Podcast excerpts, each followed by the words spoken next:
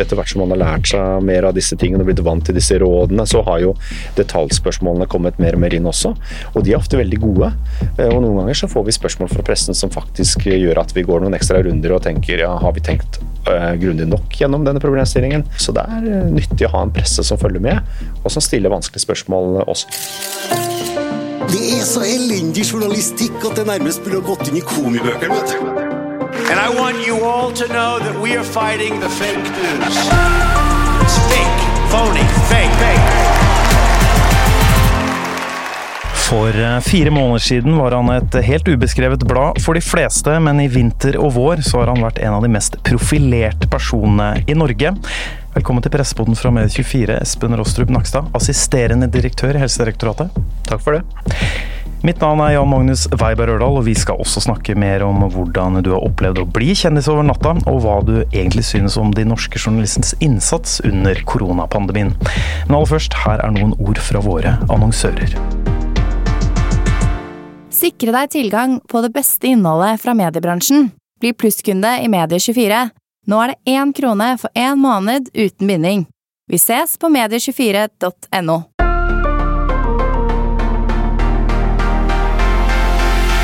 Espen Rostrup Nakstad, eh, som vi var inne på i innledningen. Du er jo rett og slett blitt en koronakjendis, hvis vi kan si det, rett og slett. Eh, hvordan har den opplevelsen vært nå de siste månedene, å gå fra ja, å være ukjent til å bli så kjent på kort tid?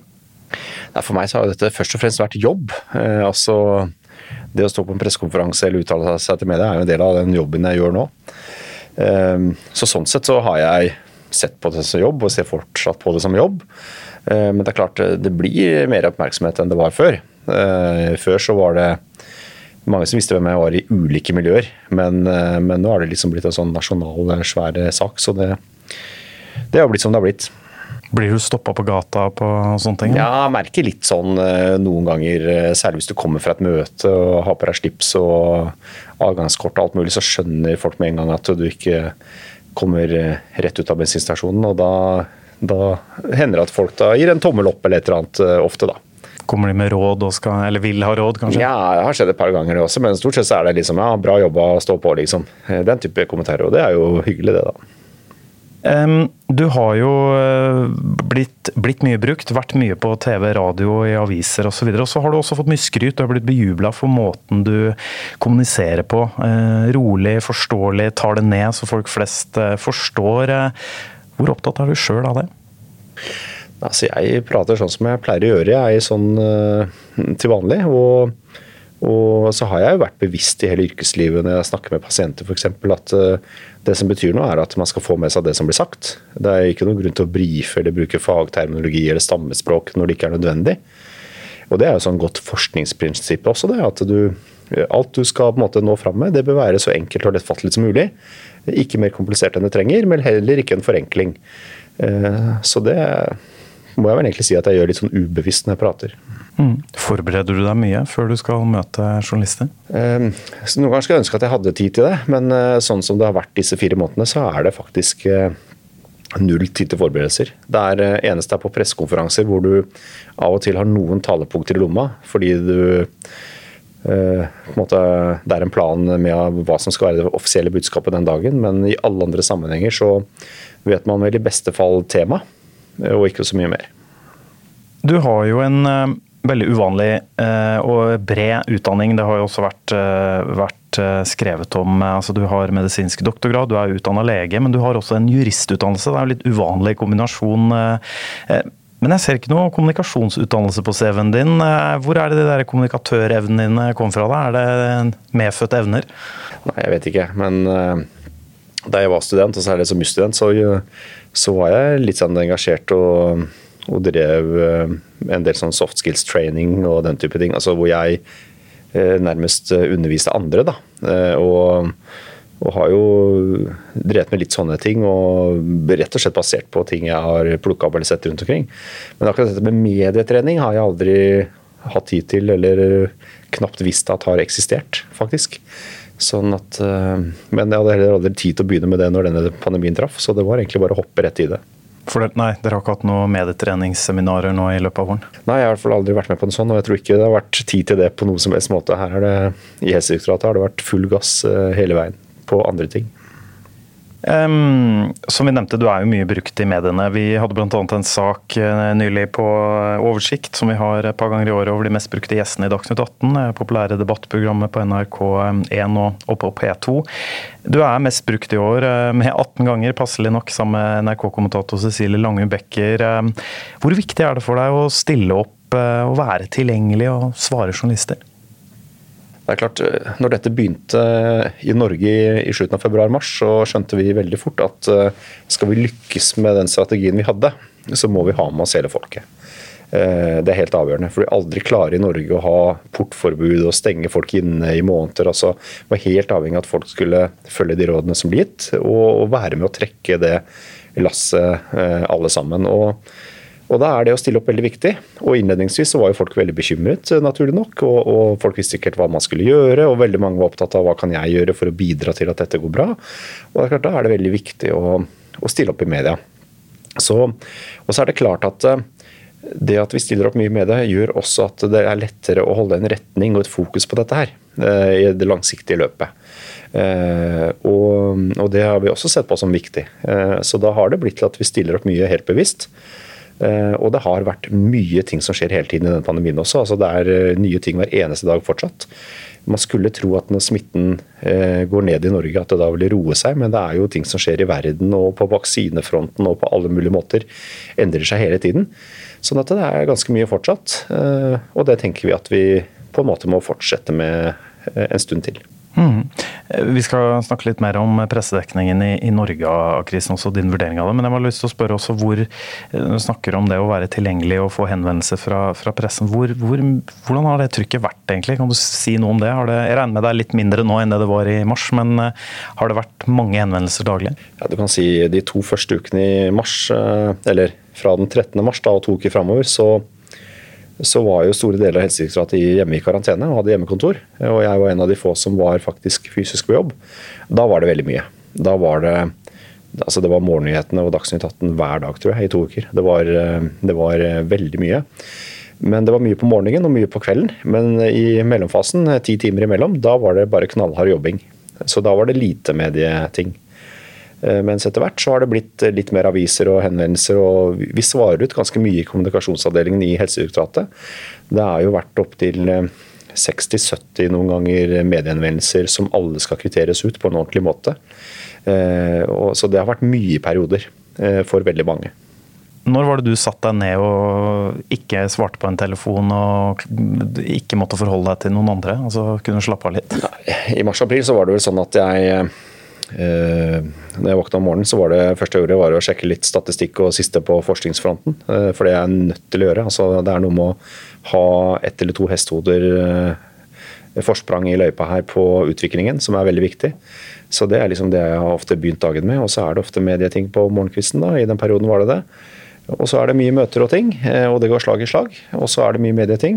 Og når kvelden kommer, så har jeg passet på at jeg i hvert fall kom meg ut, eller får trent litt. Og så prøvde å oppdatere meg litt på forskning også helt til slutt. Og så er det å få nok søvn. Og det var egentlig livet uke etter uke i mars-april. Sånn var det. Det har roa seg litt nå de siste ukene? Det har roa seg litt nå, så mm. nå er det tid til litt andre ting. og vi prøver å holde det innenfor en normal arbeidsdag.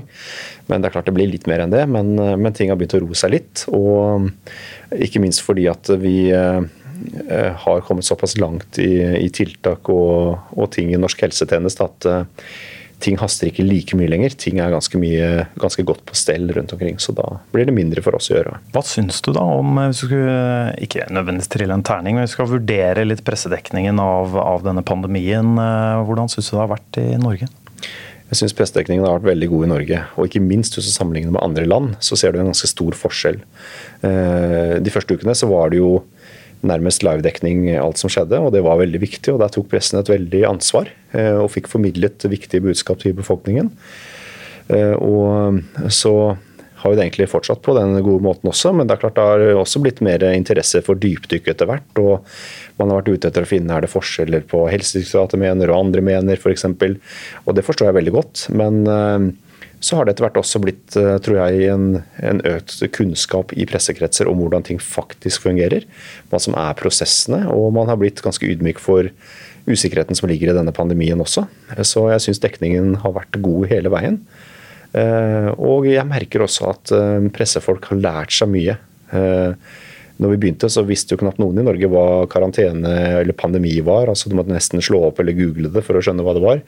Nå, nå kan folk veldig mye. Og det er fortsatt veldig mye å interessere seg for som journalist, tror jeg, innenfor veldig mange fagområder i denne pandemien. Mm, ja, du, du, nevnte det. Jeg hadde tenkt å spørre deg også om det. fordi Kunnskapen om smittevern som du sier, var jo ikke-eksisterende hos de aller fleste i Presse-Norge, og også befolkningen for øvrig, vil jeg tro. Journalistikken var kanskje også litt prega av det i starten. Spørsmålene dere fikk på de felles pressekonferansene sånn, var, var jo sikkert også det. Hvordan har det vært å på mange måter oppdra norske journalister de siste fire månedene? Nei, altså eh, Ingen spørsmål er for dumme eh, i en sånn situasjon, eh, og alt må svares på. Og, og jeg syns dette har gått veldig fint, både når det gjelder da hva folk flest har spurt om, og hva journalister har spurt om, ikke minst i de innledende fasene. Og det har jo vært litt sånn at at uh, etter hvert som man har lært seg mer av disse tingene og blitt vant til disse rådene, så har jo detaljspørsmålene kommet mer og mer inn også. Og de er ofte veldig gode. Uh, og noen ganger så får vi spørsmål fra pressen som faktisk gjør at vi går noen ekstra runder og tenker ja, har vi tenkt uh, grundig nok gjennom denne problemstillingen? så det har vært veldig nyttig. Så, så, det er nyttig å ha en presse som følger med, og som stiller vanskelige spørsmål også. Mm, hvilke spørsmål kan det, er det f.eks.? Jeg ble nysgjerrig. Nei, det, altså, det, kan være Det er noen pressefolk som følger veldig med på hva som publiseres av litteratur. Eh, det er noen som finner, eh, særlig når forskningsrapporter finner sin vei inn i de store avisene i USA og Storbritannia, så er det jo alltid noen som plukker opp det og stiller spørsmålet hvordan er det med denne og denne komplikasjonen ved covid-19. Og det er klart eh, da er det ting som vi, og jeg i hvert fall, ofte svarer litt ut. Men samtidig så poengterer det at upubliserte studier som er den eneste av sitt slag. Det skal man alltid ta med en klype salt. Men jeg kan ofte nok til å kunne kommentere litt på det likevel, og, og kontekstualisere det. Og så, også tror jeg også pressen eh, og de som dykker ned i disse tingene, etter hvert skjønner at eh, det er usikkerhet. Eh, det er ikke sånn at soling nødvendigvis hjelper deg veldig mye mot koronavirus, selv om det er et interessant forskningsfenomen som fortjener oppmerksomhet. Så Som et eksempel. da, og så det er viktig at uh, journalister forstår at forskning er en, er en metode til å tilnærme seg ny kunnskap, men at det har store usikkerheter, og at særlig nye ting krever mye forskning før man kan vektlegge det i betydelig grad.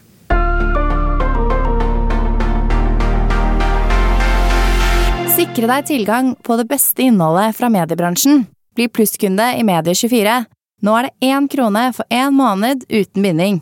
Vi ses på medie24.no.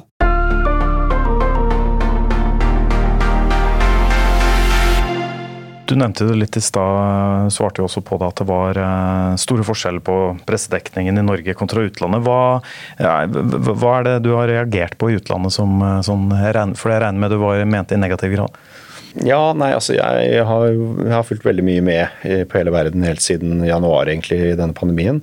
Eh, jeg ser en del på svenske nyheter bl.a. Jeg har en svensk kone, så jeg følger med på det. Eh, og det er klart at det er påfallende store forskjeller noen ganger. Eh, ting som er sånn opplagt førsteoppslag og andreoppslag i Norge, blir knapt nevnt noen andre steder noen ganger. Og, Hva kan det være, f.eks.? Nei, det, det er, kan være veldig mye. Altså dekningen av Forholdene i Norge har vært veldig grundig i Norge, mens i mange andre land så er man mer opptatt av hva som skjer i USA eller andre steder, og nevner knapt hva som skjer i eget land. Eh, men det går litt i bølger opp og ned. Eh, mens andre land de dekker ikke noe av hva som skjer i utlandet i det hele tatt. Eh, så, så det, er, det som slår meg litt i denne pandemien, er at eh, pressedekningen har vært veldig nasjonal i mange land. Det har veldig fokus på eget land. Og fokuset blant folk også har vært veldig nasjonalt. Eh, og EU har blitt satt litt på sidelinjen her eh, i innledende fase og knapt klart å koordinere seg. Det begynner å bli bedre nå, men altså det har vært eh, litt overraskende å se hvor, hvor innadrettet man blir, både i pressekretser og i befolkningen for øvrig i mange land, når man står overfor en så stor krise. Mm. Et lite spørsmål jeg må også stille deg. Det var en liten, det var en liten snakkes i Presse-Norge i starten av koronapandemien. var jo plastposer på mikrofoner. Mange journalister var opptatt av det. Det så så dumt ut og rart ut, og så ble det på en måte en normal etter hvert, og så plutselig forsvant det. Hva tenkte du når du så disse plastposene dukka opp i ansiktet ditt?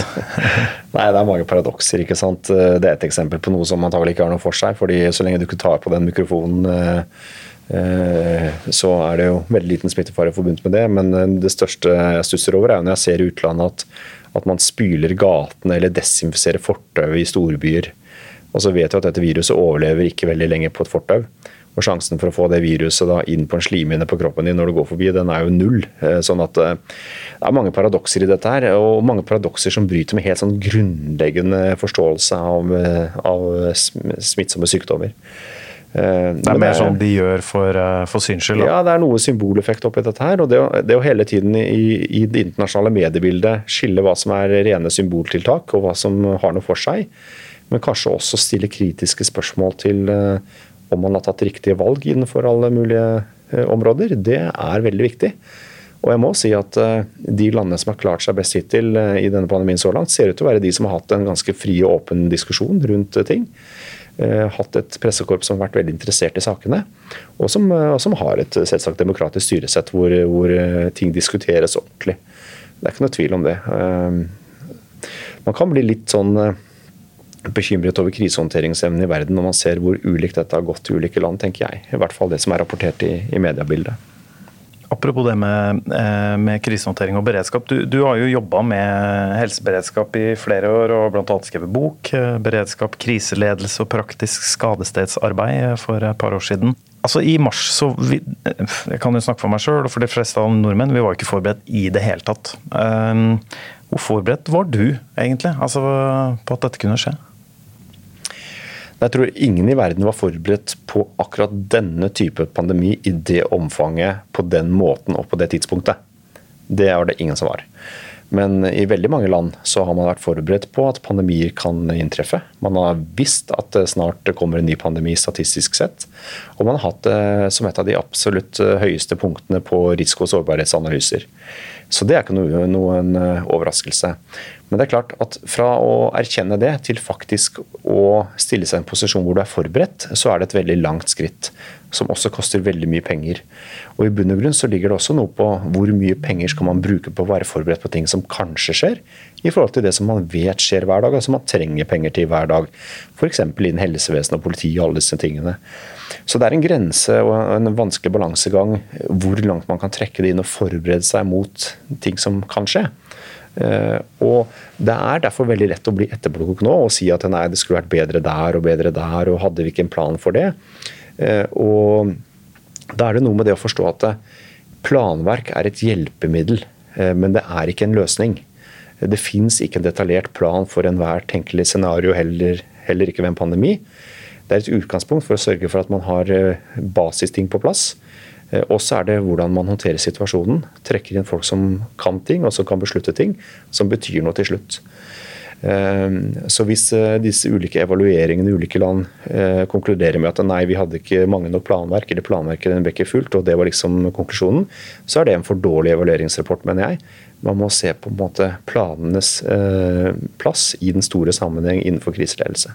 Så nå er jo pandemien gått Eh, har jo vært over en litt annen fase her i Norge, da. Eh, heldigvis. Eh, man ser jo utlandet at det blusser opp og det stenges ned igjen, men i Norge har det jo gått mer åpning, mer frihet og mer normalisering. Hva mener du norske medier, eller hva håper du og tenker norske medier bør fokusere på å være opptatt av nå i, over sommeren og frem mot høsten? Nei, jeg håper at man fortsetter å ha et eh, blikk på alt som skjer. Eh, eh, både i Norge, men ikke minst i andre land. Fordi det er veldig mye å lære av andre land i, i den pandemien. Vi lærte veldig mye innledningsvis av hvordan man håndterte ting i Kina. Rett og slett ut fra det som ble rapportert i media. Og vi har lært mye av hva som har skjedd i andre land og i Europa som har fått nye smitteutbrudd f.eks. Sånn at her er informasjon gjennom media helt vesentlig. Det skjer ting så fort og i et sånt omfang at det aldri når forskningsverden på den samme måten. Eh, og da blir media en viktig kilde til, til kunnskap, også for de som driver med helseledelse rundt i, i Europa. Jeg må også spørre deg, nå er vi midt i fellesferien. Får du det helt tatt noen sånn ferie i år, eller? Ja, jeg får meg nok det etter hvert. Så blir det mer og mer ferie. Og etter hvert så blir det helt ferie også, i hvert fall en uke eller to, tenker jeg. Så så det er planen. Og, og, det er viktig også at man får koblet litt helt av. Eh, fordi dette vil jo fortsette i høst eh, for mange. For, forhåpentligvis eh, blir det ikke noe nye, store, krevende ting sammenlignet med det vi har vært gjennom hittil. Men det er klart at det er viktig å være litt uthvilt og klar for høsten også, sånn at man kan stå dette videre, dette løpet. Klarer du å koble av da når du tar ferie, eller kommer du til å sitte på nettavisene og følge med i radio- og TV-sendingene? Jeg kommer til å følge med litt, men, men, på det jeg må følge med på. Men jeg er også egentlig ganske god på å koble helt av. Eh, og har alltid hatt det sånn at eh, når jeg går hjem fra jobb, så tenker jeg på noe helt annet. Eh, og det, det har jo vært litt sånn for meg hele den pandemien også, at hverdagen består i å tenke på veldig mange ting, men jeg tenker stort sett på én ting om gangen. Og så går jeg litt videre. Og det, det er i hvert fall mitt triks da, for å også koble helt av. Det var det vi fikk eh, tid til i Pressebånd i dag. Takk for at du stilte opp, Espen Rostrup Nakstad, og fortsatt god sommer. God sommer tilbake. Og takk til deg for at du lyttet til Pressebånden fra Medier24. Redaksjonen den består av ansvarlig redaktør Erik Votland, Ingvild Fylling, Even Barka og meg, Jan Magnus Weiberg Aurdal. Teknisk ansvarlig det var Sebastian Manrikes. Vi er tilbake med en ny podkast neste uke. Vi høres igjen.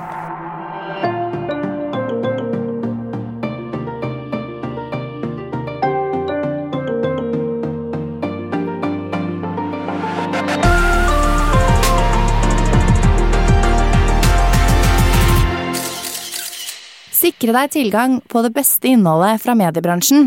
Bli plusskunde i Medie24. Nå er det én krone for én måned uten binding. Vi ses på medie24.no.